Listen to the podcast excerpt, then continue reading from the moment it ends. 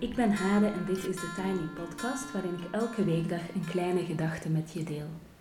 Vandaag is het vrijdag 19 juni 2020 en ik ga een verhaal vertellen. Een verhaal dat me zwaar valt, maar waarvan ik voel dat ik het moet en wil vertellen.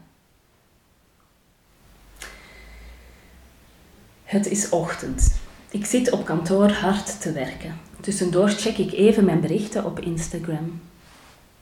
Ik zie een naam staan bij mijn berichten die me een weegevoel in mijn maag geeft. Ik klik op het bericht en lees: Hoi, hoe gaat het? Ons laatste contact was niet fijn. Dat spijt me en ik wilde daarom checken of er wat jou betreft iets tussen ons in staat. Ik slik. Ik wil wel antwoorden, maar ik weet niet wat zeggen.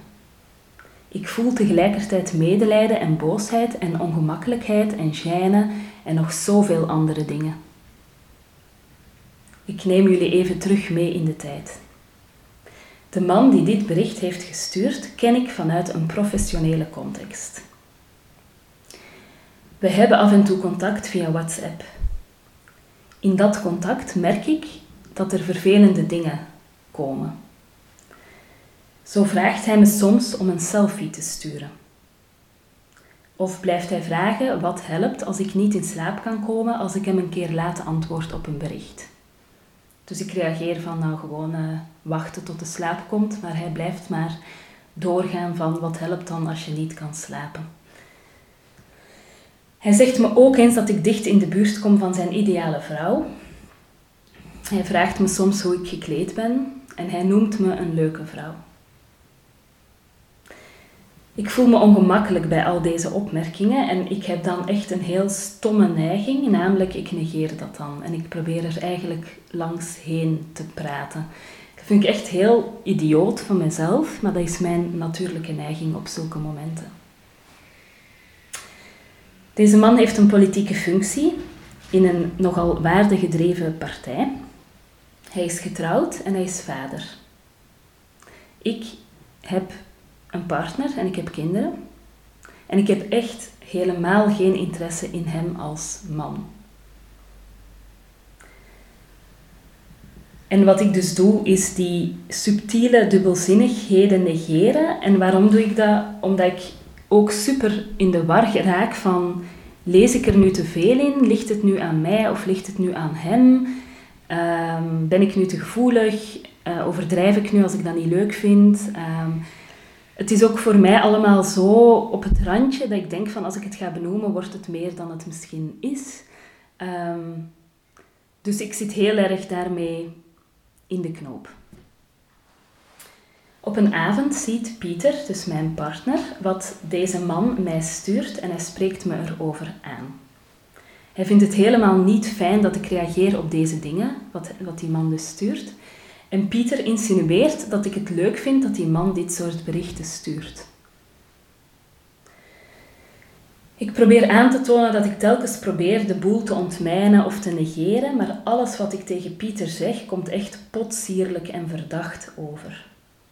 En ik lig in bed en ik denk na en ik realiseer me dat ik allesbehalve happy zou zijn als Pieter dit soort berichten naar andere vrouwen zou sturen. En dat is wat mij betreft toch de, uiteindelijk een duidelijk antwoord op de vraag of het aan mij ligt of het grensoverschrijdend is.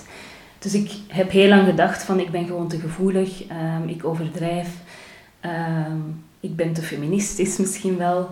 Um, maar als ik dan denk van zou ik het fijn vinden als mijn man dit soort berichten aan andere vrouwen zou sturen, dan voel ik heel duidelijk dat, dat, dat ik dat echt, echt helemaal niet oké zou vinden. Nu moet ik mijn blaadje even omdraaien. Omdat ik deze man uit een professionele context ken en we gezamenlijke kennissen hebben, besluit ik het contact gewoon subtiel te laten uitdoven. Dus ik wil geen gedoe. Ik denk, ik reageer gewoon niet meer en ik doe een beetje alsof ik het te druk heb. En dat lijkt te werken, dus er komt een paar keer een poging tot contact, maar uh, als ik niet reageer, dan houdt het ook op. Maar vervolgens lanceer ik mijn podcast, dus deze podcast, en daar reageert hij weer op. Fijne podcast, zegt hij. Fijne stem ook, zegt hij. Mag ik hem ook luisteren voor het slapen gaan? vraagt hij. En hij voegt toe, daar wordt het wel wat intiemer van. Slik. Ik heb net deze podcast gelanceerd. Ik ben zo onzeker, het is zo pril en zo kwetsbaar. En hij besmeurt het met deze ongepaste opmerking die schaamte triggert en een raar schuldgevoel ten opzichte van zijn vrouw en een naar gevoel tegenover Pieter.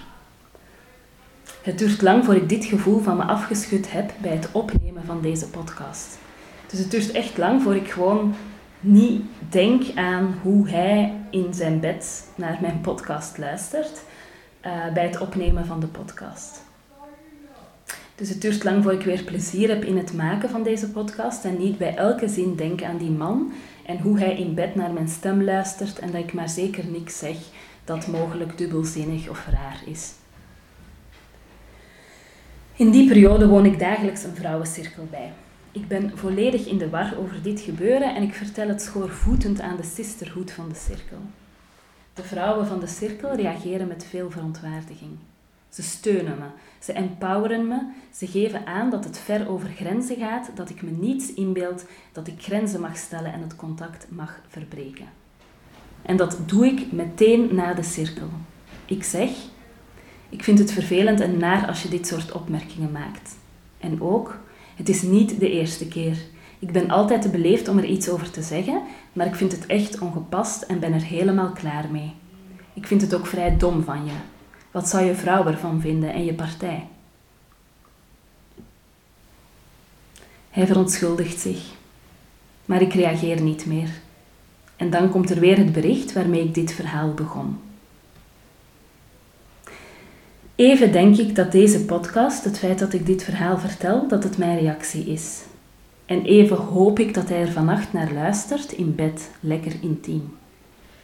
Maar dat is gemeen en ik ben niet zo gemeen van nature. Ik ben eerder moedeloos en een beetje verdrietig om mezelf. Ik heb mijn moed bij elkaar geraapt om een grens te trekken en daarmee was het voor mij klaar. En nu weet ik het even niet meer. Maar ik ben ook moedeloos om hem. Wat voor wereldbeeld, wat voor vrouwbeeld is er bij iemand als je dit oké vindt om te doen? Naar een vreemde vrouw aan de andere kant van de lijn. Naar je eigen vrouw toe. Naar de partner van die vreemde vrouw toe. Ik vind het zo intrist dat dit bestaat. En daar heb ik het met Pieter over. Of hij dat ooit gedaan heeft. Of hij het ooit zou doen.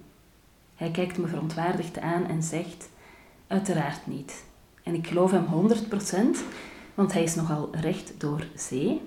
Maar wat maakt nu dat de ene persoon dit normaal vindt en de andere niet? Wat ik hiervan geleerd heb.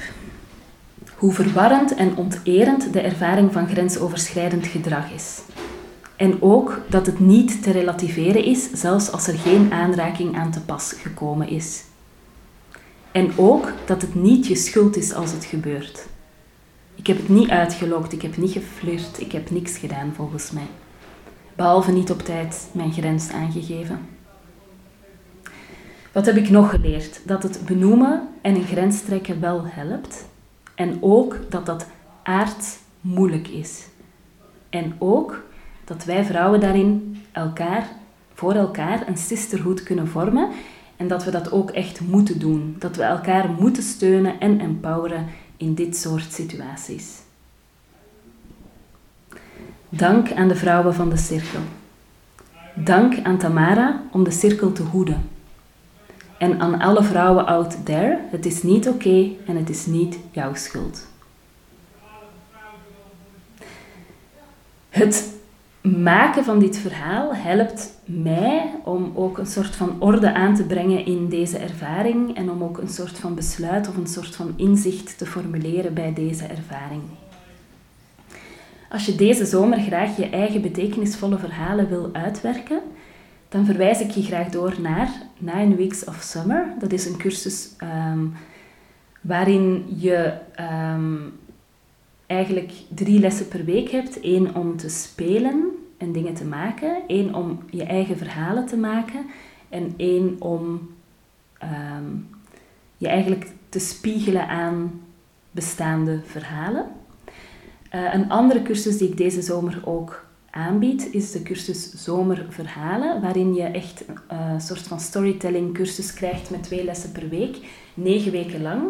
Ehm, je, je hoeft het ook niet helemaal af te werken in de zomer, je kan er ook langer over doen. En in die cursus kan je eigenlijk een aantal eigen verhalen, eigen ervaringen ehm, verwerken tot een verhaal, zodat je een kleine verhaalbibliotheek opbouwt met verhalen waarvan je het belangrijk vindt dat die verteld worden. En daarbij wil ik heel graag zeggen dat het ook, ehm, je hoeft niet te kunnen schrijven om verhalen te vertellen. Je kan ook verhalen inspreken. Um, je kan ook een storyboard maken, je kan ook uh, tekenen uh, enzovoort. Dus verhalen vertellen kan op verschillende manieren. Tot zover de Tiny Podcast voor vandaag en ook de Tiny Podcast voor deze week. Je kan me volgen op Instagram, TheTinyPodcast. En je helpt me door deze podcast wat sterretjes te geven op iTunes, een review achter te laten en of hem door te sturen aan iemand anders die er misschien graag naar luistert. Fijn weekend en heel graag tot maandag.